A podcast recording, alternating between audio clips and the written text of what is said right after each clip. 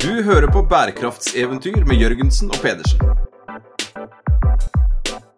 Bli med på eventyrlig jakt på bærekraftig business.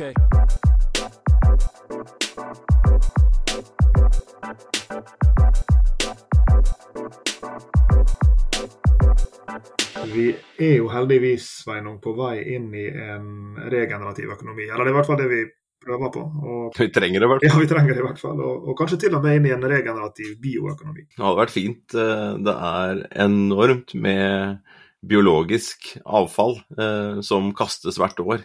Vi leser jo til stadig overskrifter av hvor mye av den maten vi kjøper som eh, kastes, og i tillegg så kastes det dessverre altfor mye inn i industrien nå.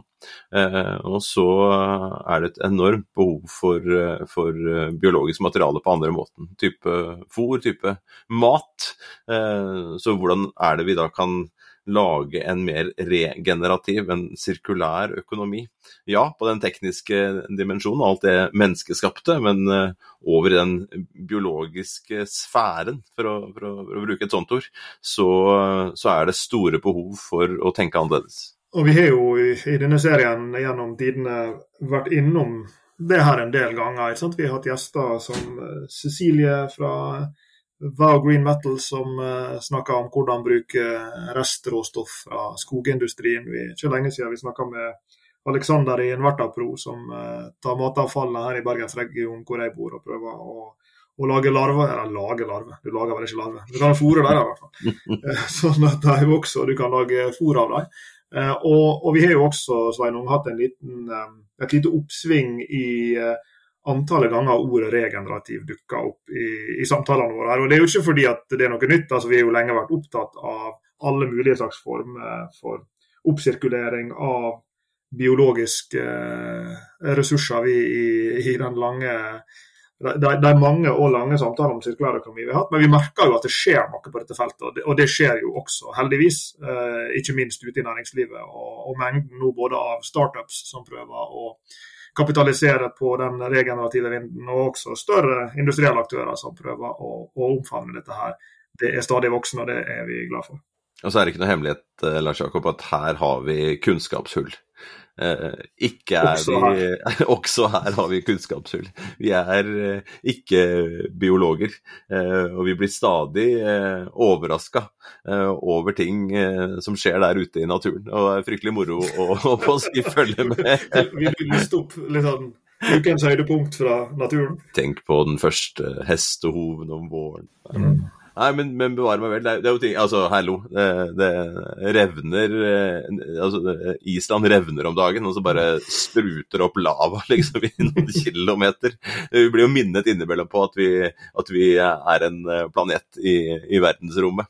Eh, og så er det den der naturen rundt oss, og hvordan er det vi skal tenke, tenke da regenerativt, hvordan vi kan tenke en sirkulær bioøkonomi på nye måter. Og da hender det Lars Jakob, at vi kommer over folk som har eh, tenkt eh, kloke tanker, og som eh, tør å prøve noe nytt. Det er sant. Og vi har fått nettopp en slik gjest inn i Bærekraftseventyrstudio nå for å snakke oss inn nettopp i dette landskapet som, som vi her er inne på. Og Nå skal jeg snart prøve meg på en, en krevende, en krevende ut, uttale. og Det er ikke fordi at Ingrid Lynne har et navn som er vanskelig å uttale, det, der tror jeg faktisk jeg traff. Men, men selskapet som, som Ingrid er medgründer og, og, CEO i, som, som, vel heter Nomi. Det tror jeg også jeg klarer å si. Men det er altså Norwegian Museum. Håper jeg er riktig artikulert.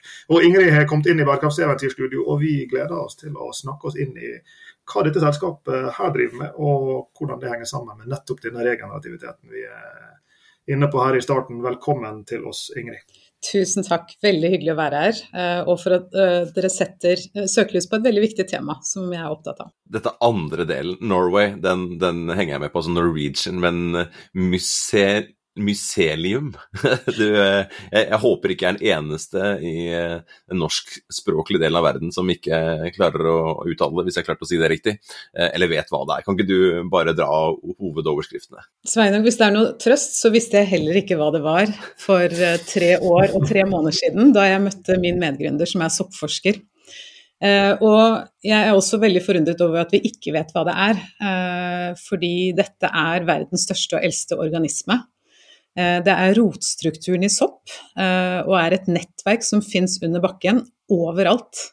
Det kan bli flere kilometer stort eh, i radius, og knytter alt i naturen sammen. Så det at ikke vi vet mer om det, er jo en skam i seg selv. Så, så min oppgave og vår oppgave er å, å kommunisere hva, hva, slags fantastiske egenskaper dette nettverket har. Eh, og det er det vi jobber med i Nomi. Nå får det sånn Stranger Things-vibber her. Unnskyld hvis jeg er sånn for spesielt interesserte med disse her upside down under, hvor det, hvor det vokser. Men, men, i dette ligger jo altså, eh, kraften i ting som vokser av seg sjøl.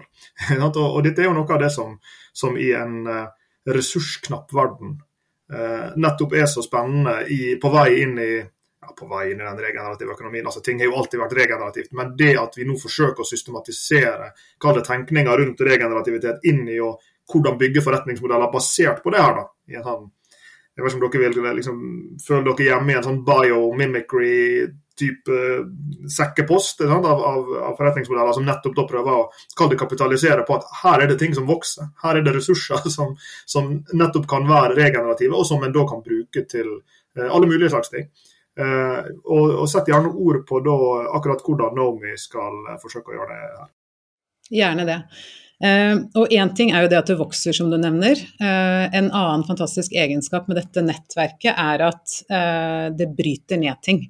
så vi kaller det naturens skal vi, skal vi si, naturlige gjenvinningssystem. avfallshåndteringssystem. ved at det bryter ned alt dødt i naturen. Så det at døde blader forsvinner på, på høsten, døde dyr i skogen osv., det forsvinner jo, det blir jo ikke liggende. Eh, hadde det ikke vært for museet, så, eller museumet, så hadde vi hatt kilometer med avfall som hadde begravd, begravd oss. Hm. Um, så det er jo også en fantastisk egenskap, det at det kan bryte ned organisk materiale, uh, for så å bygge det opp til noe nytt. Uh, og det er jo den type egenskaper som vi uh, tar i bruk i Nomi.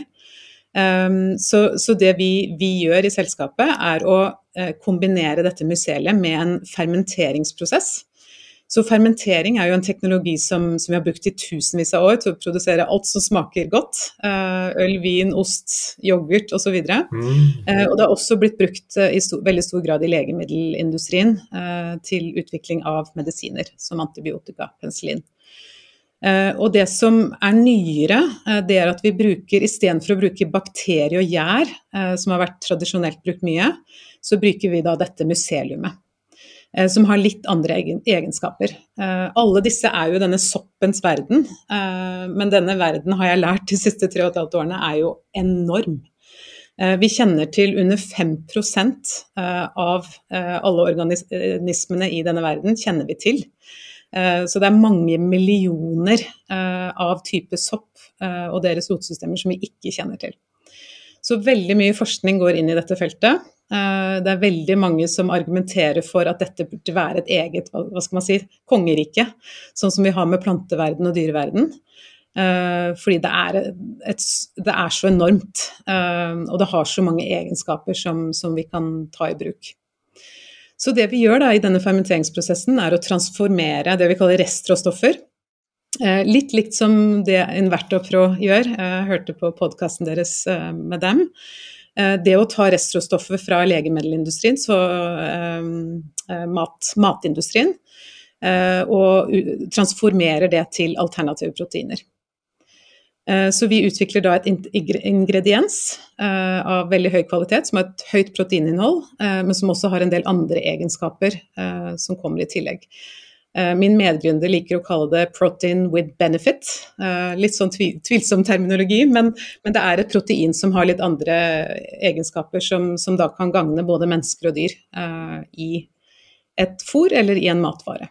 Nei, så vi er en, da en leverandør til både matvareindustrien, men også til uh, fôrbransjen. som vi målretter oss da spesifikt mot akvakultur og den norske fiskerinæringen, som nå har et veldig stort behov for alternative proteiner.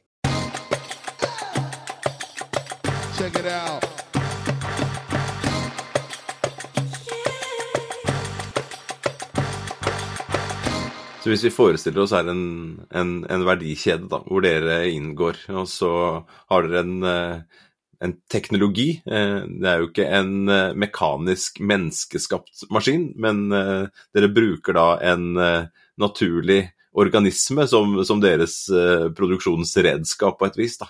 Eh, så hvis du drar oss inn i en sånn eh, en verdikjede fra et, en, en, eller annen form for avfallsressurs til denne prosessen, til å, å produsere noe som noen kan holde i, og som en faktisk kan fòre en fisk med. Hvordan, hvordan, hvordan skjer dette her? Så det vi gjør da, vi har testet mange forskjellige typer restråstoffer. Så det som kalles avfallsstoffer hos matleverandøren, men som fortsatt er det vi kaller food grade, som er mat, definert som mat og ikke avfall.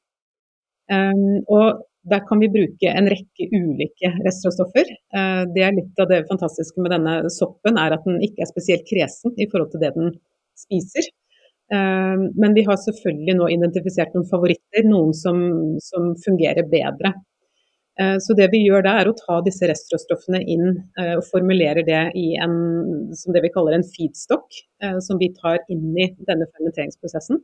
Dette er vanligvis veldig flytende, som også skiller oss fra, fra, mange andre som bruker restråstoffer. Eh, det at vi kan ta i bruk flytende restråstoffer, fungerer best for oss. Og det er det enda større volumet. Eh, dere kan tenke f.eks. prosessvann fra matvareindustrien, som det er millioner av liter av i måneden, veldig ofte hos de store bedriftene. Det kan vi ta rett inn i vår fermenteringsprosess.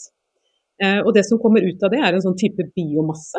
Så litt sånn klumpete biomasse eh, som vi da kan enten bruke som den er, hvis man har lyst til å forme det i noe eh, med mer tekstur, eller så kan man tørke det eh, sånn at det blir en type sånn pulverformat eh, som kan fungere som en ingrediens. Så det er egentlig veldig få steg fra sidestrøm, restråstoff, til et produkt. Og det skjer relativt fort også, fordi som Lars Jakob var inne på tidligere, det vokser av seg selv. Eh, så denne biomassen dobler seg i størrelse hver sjette til åttende time, eh, naturlig. Yes. Eh, så, så, det er veldig skalerbart, og man kan på sikt produsere enorme volum. Vi er foreløpig nå i det vi kaller en pilotfase. Eh, vi har eh, lokasjon her på, på Adamstuen i Oslo. Vi har omdøpt det til Soppstuen, vi syns det passer fint.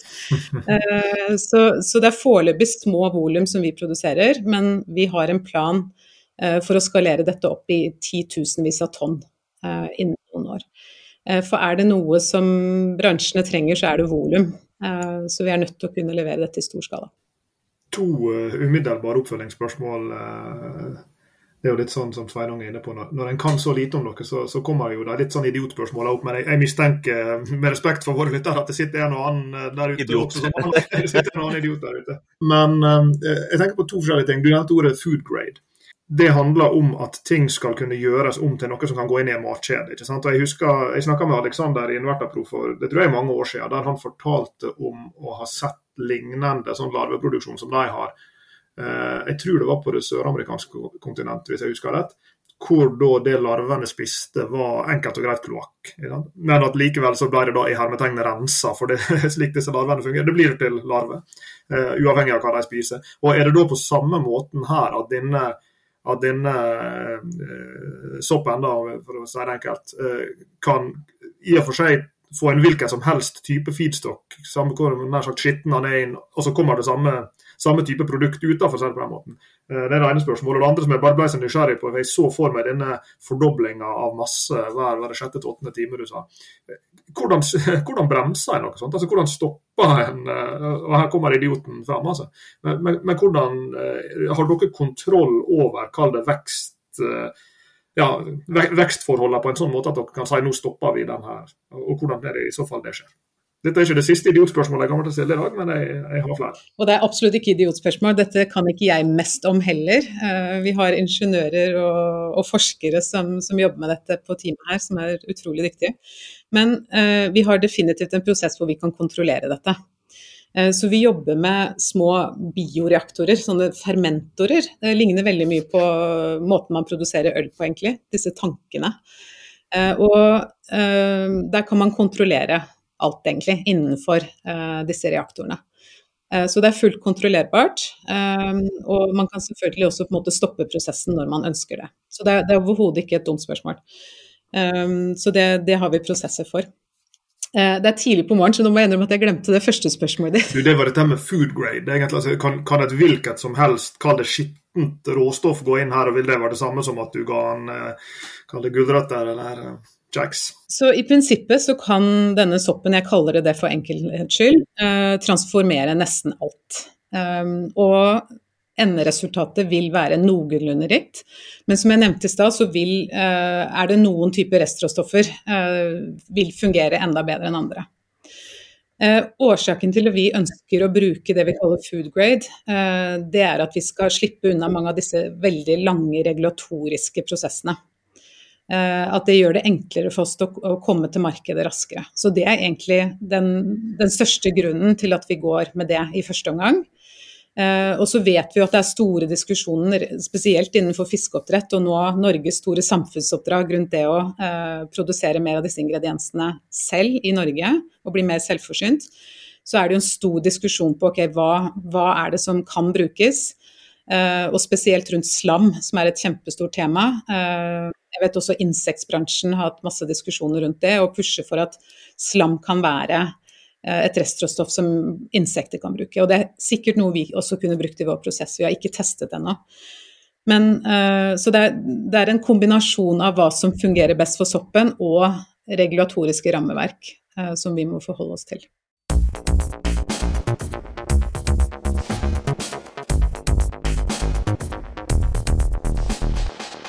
Jeg eh, sitter og tenker på Du nevnte her at du kom jo ikke inn her som eh, biolog. Eh, og i noen diskusjoner internt, og også kanskje ut mot andre interessenter, så kan jeg tenke at det er et, noe du skulle ønske at du bare kunne knipse og, og blitt. Men så antar jeg også at det finnes folk rundt deg som er fryktelig glad for at vi har med Ingrid på laget. For hun kan jo heldigvis mange andre ting som vi andre ikke kan. Lars Jakob og jeg, vi er jo det er jo ikke noe hemmelighet at vi er opptatt av bærekraft. Eller regenerativitet og det, sirkulære og alle disse ulike dimensjonene av, av, av, bærekraft. Men vi er jo fryktelig opptatt av forretningsmodeller også. Eh, og det å, å, utvikle dette her da, som den maskinen i en eller annen form for verdikjede, altså bruke naturen, som Lars Jakob sier, den derre biomimicry, det, det å etterligne naturen. Da. Og, og dere etterligner jo ikke bare naturen, dere bruker dem da inne i disse her bioreaktorene. Um, du snakker jo om millioner av liter med vann. Jeg, bare, jeg ser for meg liksom, hvordan i all verden er det dere skal klare å posisjonere dere sånn at dere da får enkel tilgang av denne food grade food feedstokken. feedstocken. Um, hvem er det dere trenger å, å, samarbeide med for å få det til? Hvilke investorer er det som har uh, blitt med inn her og, og turt å satse pensjonspengene sine på det? hvordan tenker dere å, å, både tjene dem, altså tjene de andre partnerne her? hvordan, hvordan dekke da etterspørselen til en diger industri? altså eh, oppdrett og, og akvakultur. Eh, og hvordan er det de skal tjene penger på dette her eh, over tid. Det var vel ca. 417 spørsmål, så her kan du jo velge litt fritt hva du har lyst til å ta tak i etter det. Ja, jeg, jeg, begynte å telle antall spørsmål, så du får minne meg på, på noen av de. Men uh, begynne med det første, for det husker jeg godt. I forhold til hvordan, hvordan får vi tilgang til alle disse restråstoffene og de store volumene vi har behov for. Eh, og hvordan får vi det til å bli en bærekraftig forretningsmodell. Eh, og det vi snakker mye om, er kolokasjon. Eh, vi ønsker å, å forkorte verdikjeder, rett og slett. Ved at vi går sammen med disse matvareprodusentene, de som har disse restråstoffene. Enten ved å bruke deres infrastruktur sånn som den er, og at vi bare tilpasser den, eller at vi bygger noe eget på en måte i nærheten eller rett ved siden av, sånn at man kan ta det rett inn i våre prosesser.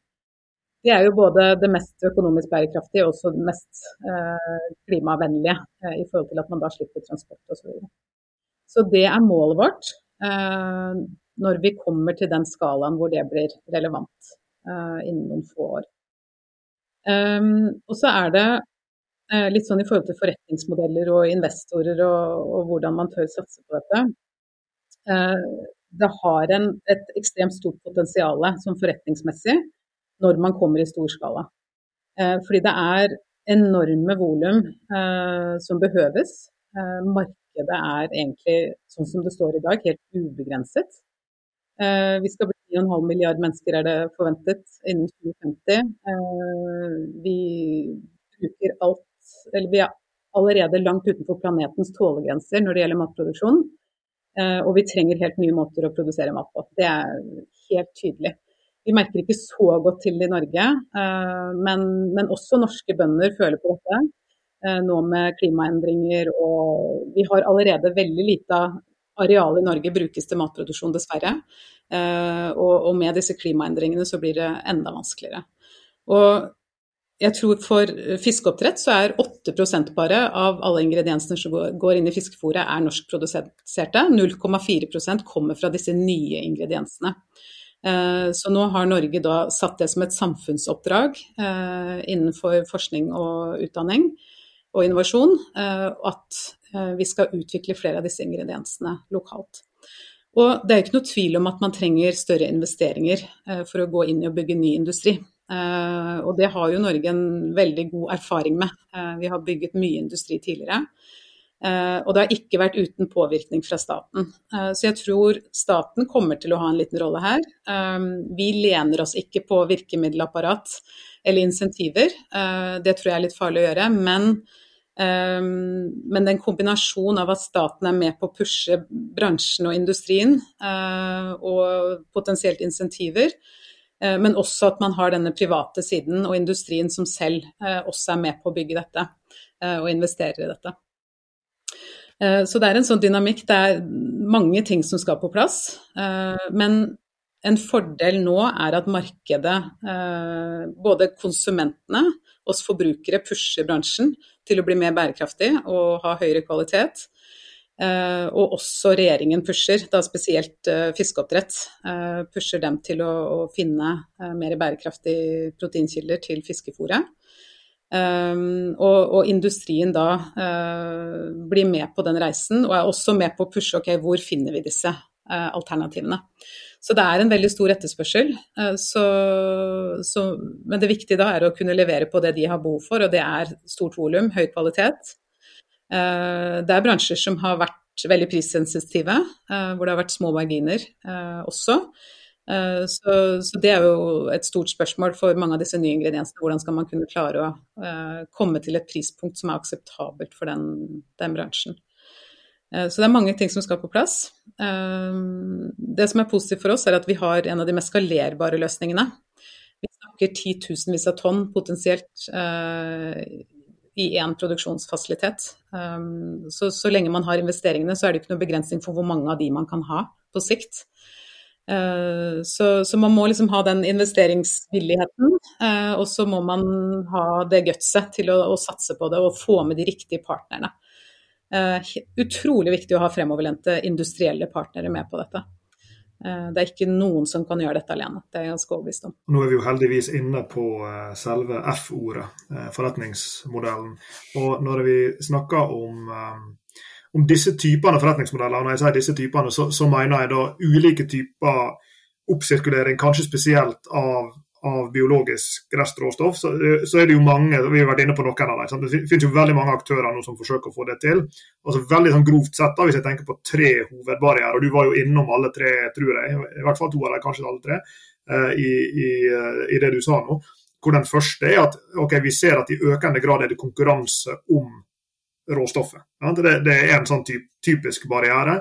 Uh, men den er selvfølgelig verre for de som er avhengig av å ha ett spesielt råstoff, og, spesielt hvis det må ha en eller særlig hvis det må ha en spesiell kvalitet. Men sånn jeg hører deg, så er kanskje dette her en, en mindre snubletråd for dere, nettopp fordi at denne soppen er så lite kresen på hva den skal, eh, skal spise. Sant? Til og med kan ta flytende, flytende ting og, og slam og, og, greier. Så, men det er sånn første typisk eh, barriere. Så er det en, eh, en andre barriere som, som, du var inne på, som er jo det her med, med, eh, med, med å kunne lage et produkt som treffer et stort nok marked, og ikke minst da skalerbarheten i det, altså at en kan klare å skalere det opp. Det er vel der mange av de som har forsøkt å komme med alternative fôringredienser f.eks. til sjømatnæringa, plutselig oppdager at herregud, den næringa her trenger mange tonn før det er i det hele tatt interessant for dem å legge inn en ordre. Så, så, det er en sånn andre sånn, sånn praktisk, men, men, selvfølgelig også med finansielle implikasjoner, altså en liksom praktisk barriere. da.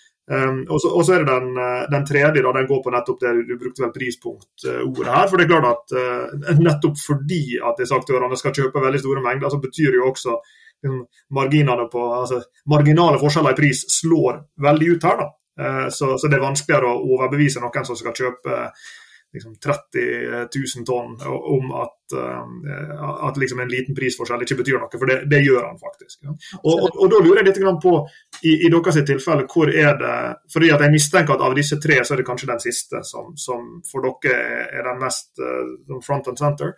Uh, men hvor er det i, i så fall, kall det den, det å presse det prispunktet ned, da, hvor er det den uh, beskrankninga ligger hos dere? Er det i på en måte overhead, at det, det krever så store investeringer i installasjoner, altså, hva vet jeg, teknologi, løsninger som, som, på en måte i det hele tatt er ticket to play for å komme i gang. altså at du For i det hele tatt kunne lage disse store, eh, store skalaene av, av produkt, så må en investere så tungt uh, up front. Eller er det i selve, kall det, at, at liksom, prosessen som sådan Eh, har kostnader knytta til seg som, eh, som, er vanskelig å dra ned? Veldig godt spørsmål. Um, jeg tror nok det er det første som, som, treffer oss mest. Rett og slett fordi vi må bygge en ny industri.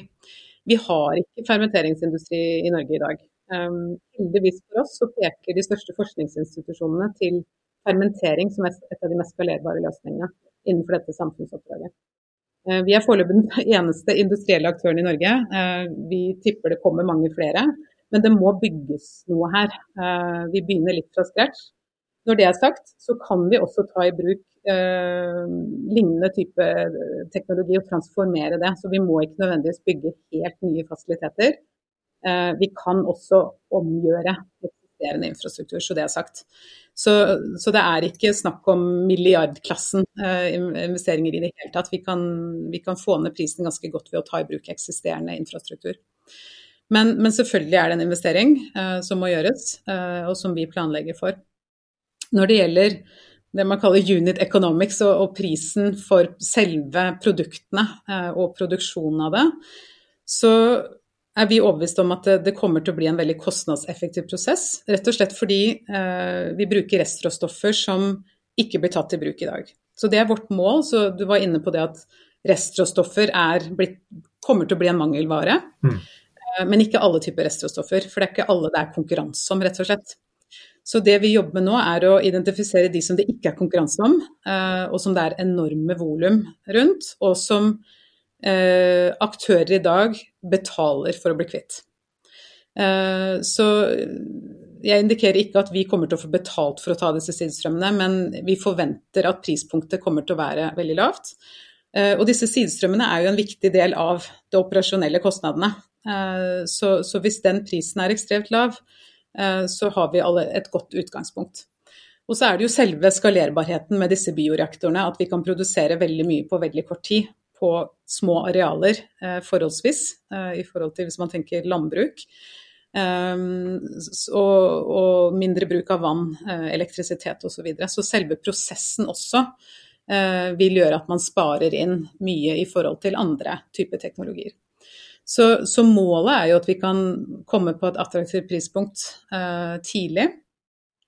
og så tror vi at det kommer til å skje justeringer for eksisterende produkter som blir brukt. Og eh, refererer jeg spesielt til soya eh, og fiskemel. Vi ser jo at prisen på soya har jo gått opp enormt nå under de siste årene, spesielt med, med krigen i Ukraina. Eh, så har den prisen gått opp mye. og vi vet at det kommer en skatt ganske tidlig nå i 2024 også, karbonskatt, på importerte varer som kommer med skip. Så, så, vi tror nok uansett at prisene får en, et sånn naturlig møtepunkt eh, på sikt, fordi disse råvarene blir dyrere. Eh, og så skal selvfølgelig vi som ny ingrediensleverandør jobbe for å få vårt prispunkt så lavt som mulig. Sånn at det blir attraktivt i stor skala. Jeg nevnte i sted altså din, eh, din manglende biologiutdannelse. Kunnskapen den er jeg helt sikker på har kommet, men det er jo ikke biologi du eh, løper rundt med papirer fra du var ung. Eh, vårt samfunn verdsetter jo veldig det som skjedde akkurat når han gikk rundt i bakfylla og hadde kjærlighetssorg i mellom 18 og 23 år. Det er da vi, liksom, det er da vi definerte oss, oss selv. Men kunnskap det, det, får vi jo gjennom hele livet. Men jeg, jeg fiska litt etter din bakgrunn her i stad også, så, sånn, da du gikk inn i det. Eh, hva slags type bakgrunn er det du har? Du trenger ikke å dra hele CV-en din også på, på, på, utdanning, men eh, jeg veit du har eh, reist mye og jobba i internasjonale store selskaper. Og, og, og, og, hvordan bruker du disse erfaringene inn eh, i møte med denne teknologien, biologien, utviklingen av forretningsmodell? Veldig godt spørsmål. Eh, ikke så lett å svare på, men jeg kan forsøke. Jeg har faktisk hatt ett år på Handelshøyskolen. Eh, men jeg har, eh, så jeg har eh, European Business Master i det, fra fem forskjellige universiteter og høyskoler. Så jeg hadde en stor eventyrlyst allerede da. For det var litt tilfeldig at jeg hoppet på nye ting. Men endte med en god master fra Frankrike. Og i en master i European Business så skal man helst ha arbeidserfaring fra et internasjonalt selskap. Eh, så jeg søkte meg rundt på, på, mange forskjellige interessante bedrifter, da basert i Europa først og fremst, eh, og fikk en jobb hos Google. Eh, og det her er i 2004. Hvor man ikke skjønte at man kunne jobbe for et selskap som het Google, fordi det var jo bare denne søkeboksen. Så jeg bare Du kan ikke jobbe der, hva skal du gjøre? Så, så, jeg var da med på å starte det norske teamet fra Dublin som, som jobbet med norske bedrifter for å få til tilstedeværelse på Google. Så det er jo en evighet siden. Eh, men det er jo et selskap som jeg har fått være med på å se eh, vokse enormt, naturligvis, fra 2004. Det var jo nesten en startup da, og vi hadde jo gründerne på besøk eh, titt og ofte. Og det var en helt annen type selskap. Men et selskap som ga meg veldig mange spennende muligheter. Så jeg ble faktisk værende i 15 år. Men flyttet fra, fra Dublin til London, hvor jeg var høyre hånd for han var president i EMEA en stund, og var del av hans strategiteam til å jobbe med han da han ble uh, forfremmet til global chief business officer i Google. Uh, så jeg var i California en periode. Så litt sånn crazy år. Uh, Døgnet rundt-jobbing og farting rundt i verden, men vanvittig spennende. Og jeg kaller det det å ta en live MBA. Det å jobbe med toppledere så tett på. Og lære av all den dynamikken og arbeidsmåter og kommunikasjon. Og, veldig, veldig lærerikt. Men som typisk norsk, etter ti år i utlandet, så fant jeg ut at nå, nå, må jeg komme meg hjem, hvis ikke så blir jeg stuck her borte i California. Så um, jeg fikk muligheten til å flytte hjem for å lansere YouTube eh, kommersielt i Norge, Sverige, nei, Danmark, Finland. Eh, og hatt ulike roller i, i Google Norge. Eh, men visste at eh, den reisen ender jo på et eller annet tidspunkt. Eh, og funderte veldig på hva man skal, skal gjøre etter, eh, etter, en sånn type arbeidserfaring. Eh, det er ikke noe naturlig steg, faktisk, hvis man ikke er interessert i å gå i annen big tech. Så, så jeg så på to store områder hvor teknologi står sentralt. Det ene er innenfor helse, som trenger en transformasjon hvor teknologi kan spille en viktig rolle. Og så var det klima, rett og slett. Eh, helse eh, fant jeg ut har litt for lange tidslinjer for meg. Eh, når du har jobbet i Google i 15 år, så er du vant til at ting går fort. Så, så fant jeg ut at det, det, er det andre som er bedre skikket til. Men klima var, ble veldig tydelig for meg det siste halvåret i Google, at her er det vanvittig store muligheter hvor teknologi kan være en, en enabler, katalysator, for å få nye klimaløsninger på plass. Hadde aldri drømt om å starte selskap, eh, for å være helt ærlig. Eh, det var ikke planen. Eh, jeg så på liksom disse store etablerte som, som hadde tydelige satsinger på, på, klimaløsninger. Men ble tilfeldigvis introdusert til han som er nå min medgründer, David, som har doktorgrad i sopp fra USA, amerikaner. Og og det tok meg to kaffemøter før jeg fant ut at fader heller, det her må jeg være med på. Det er for kult til å ikke, ikke teste ut. Så det var jo et stort hopp, um, men et mindre hopp enn det folk kanskje tenker. Fordi jeg føler virkelig at um, Uh, mye av det man har lært i, i, den type jobb som jeg har hatt, det er jo det å bygge team uh, og drive innovasjon, bygge partnerskap, forretningsmodeller, uh, strategi osv. Uh, som, som gjør at mye av det er overførbart inn i en sånn inn i en startup, rett og slett. Det jeg hadde minst erfaring med, var jo denne biologien, men det har jeg prøvd å sette meg godt inn i. Og det å hente kapital.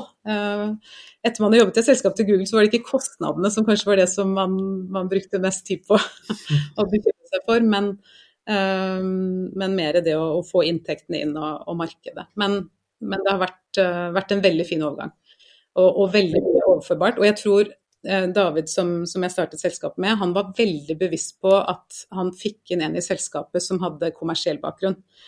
Fordi han skjønte sine egne begrensninger, selv om jeg syns han er overraskende flink med det, det økonomiske og businessdelen nå. Men det som skjer, er at det er veldig mye forskning som blir værende på laben eh, eh, og hos universitetene, som aldri kommer noe sted.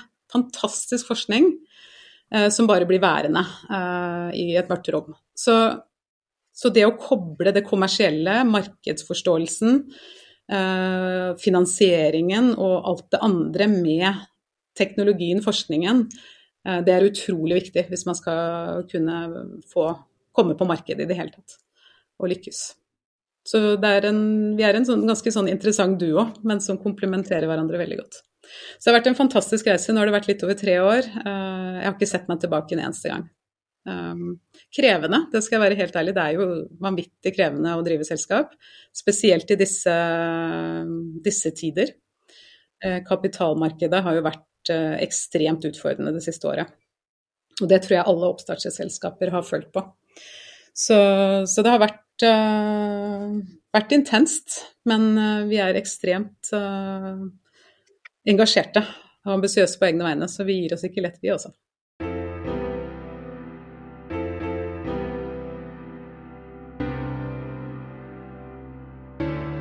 Lars Jakob han finta meg litt her på begynnelsen med å dra opp dette regenerative, og da var vi jo i gang på det hjørnet der. Det, det er ikke så mange episoder siden eh, jeg og Lars Jakob måtte si ganske tidlig i episoden at, at vi hadde noen bindinger til noen av gjestene. Eh, og, og, den gangen var det jo fordi at kona hans var med. og, og det skal ikke avsløres noen Vi har jo finansielle bindinger i tillegg, jeg jo. det skal ikke avsløres noen sånne typer bindinger her nå såpass seint i, i, i podkasten, men jeg var inne på investorer. og vi har diskutert uh, litt. Grann. Uh, en liten sånn derre uh, tommel opp til Alexander og Invertapro, som som vi snakket om i stad. Rett, uh, rett, etter at vi, at vi, laget denne episoden, så skulle jo de starte en sånn folkefinansiering. og Han var jo åpen at han var spent på det. Uh, hvordan ville det gå? Og som du sier, det er, det er, tøft i kapitalmarkedet. Og man kan sitte med gode ideer, det kan være et stort potensial, det kan ha klimamessige fordeler og mange, mange, mange andre fordeler, men så er det noe som skal tørre å våge å, å, være med. Og så valgte de da en sånn folkefinansiering på toppen av annen type finansiering med, med gode partnere, som de da har på investorsiden eh, fra før. Uh, og den ble jo omtrent full før de rakk å, å åpne den, og de måtte utvide den uh, etterpå. Uh, og, og, og, spissa den utvidelsen mot noe type pilotering eller utvikling av noe si, greier. Jeg husker ikke akkurat i farta hva det var for noe, uh, men, men, det var dem. Uh, men, og her kommer jo på en måte avsløringen også, da, som vi kanskje kunne tatt uh, tidlig. jeg leder av en, en, en humanitær stiftelse som investerer i oppstartsselskaper, bl.a den har uh, sete på, på Lillehammer, og, og, der ble jeg trukket inn uh, som ungdomsalibi en gang. Og da var jeg den yngste, yngste i flokken. Den yngste i flokken bikka akkurat 50. Trudelutt for det. Men jeg har nå med meg et veldig godt team med, med Line Brita og Lars. Så har vi en hel sånn ungdomsbenk, og så er det jeg da som er liksom i hvert fall femte eller fjerde eh, far i, i, i huset. Uh, men Brita kom jo drassende inn da, med, med, med no, Nomi, som jeg trodde det het, til jeg nå skjønner det er Nomi.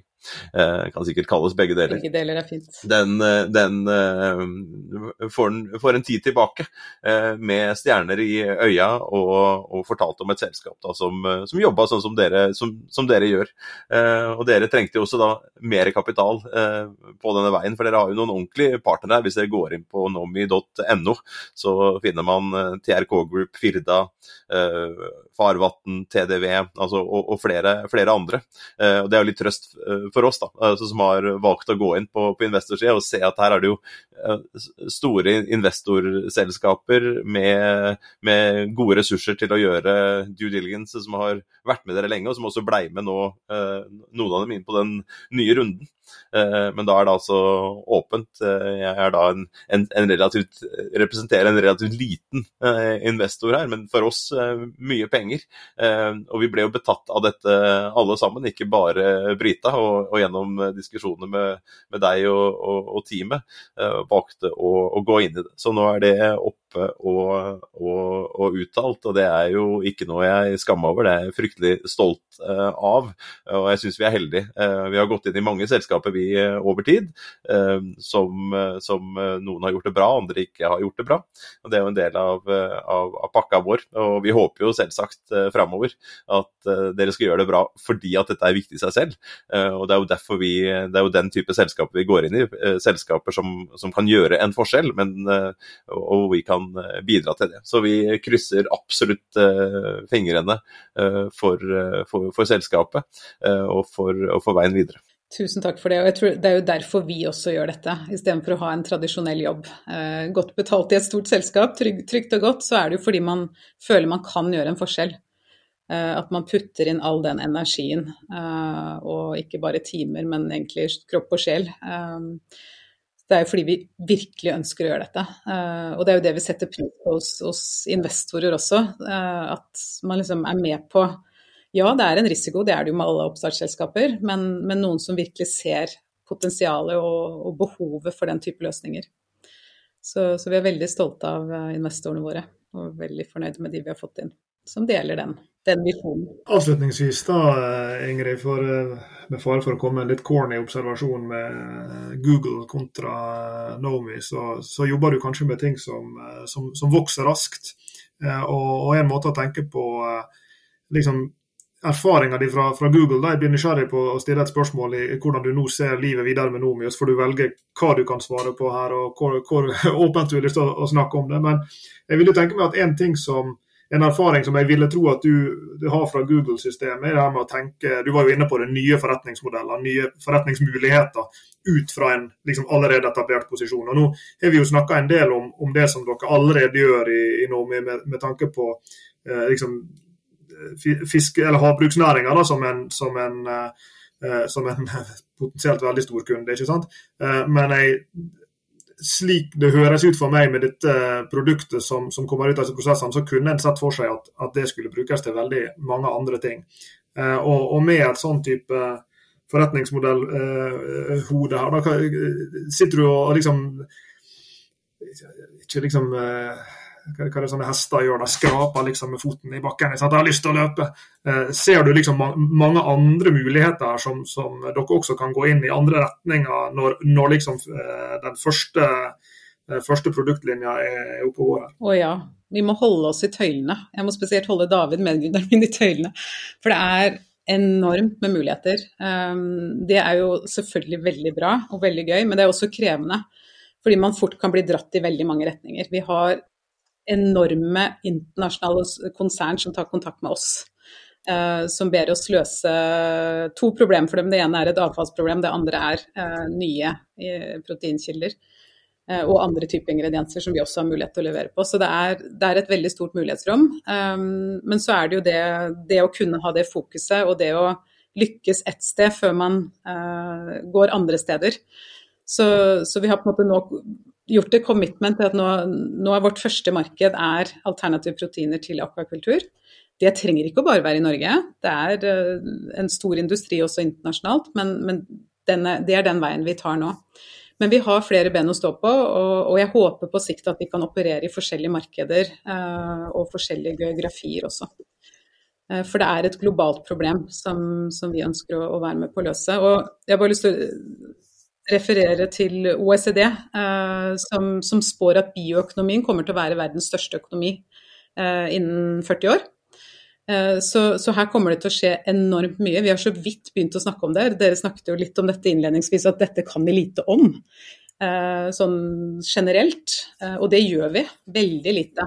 Det snakkes litt om sånn på, på toppnivå i Norge nå, men, men vi har ikke en veldig, veldig, sterk strategi ennå. Det begynner jo å komme litt sånn Bionova og bioøkonomiordning og, og, ting som skjer. Men her er det et veldig veldig stort potensial som jeg håper Norge eh, kommer til å satse mye mer på fremover.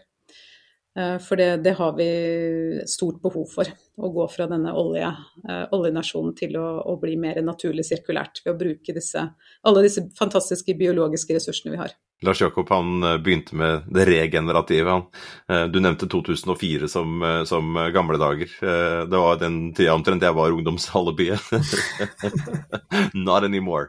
Men, men omtrent på den, ja, litt etter det så husker jeg leste Cradle, for, Cradle to Cradle første, første, gangen.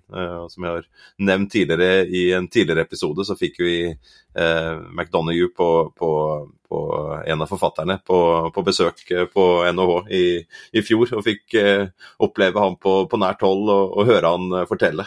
det er en av de historiene fra den, den boka som sitter igjen, og, og tidlig i episoden i dag så var det noen som nevnte kirsebær og kirsebær, kirsebærtre, hvis ikke jeg husker feil. og der, der blir jo dratt opp dette idealet da, eh, om naturen, om all søpla som egentlig blir produsert hver gang dette kirsebærtreet skal lage alle disse blomstene som skal slippe på bakken. Men så blir det jo ikke avfall av det. Mm. Uh, og jeg, En av de tingene jeg syns er veldig veldig fascinerende her, sammen med forretningsmodellen og alt det du har snakket om rundt innovasjon og, og sånne ting, er jo det å, å, prøve å gå inn i naturen. Da, spille på lag med den og bruke der, de samme mekanismene. Uh, sånn at det ikke blir noe avfall mer. For vi, vi, vi produserer jo altfor mye avfall. Uh, og det, alt det der duppedittene våre, ja, de ender opp i hauger. og de de ser vi.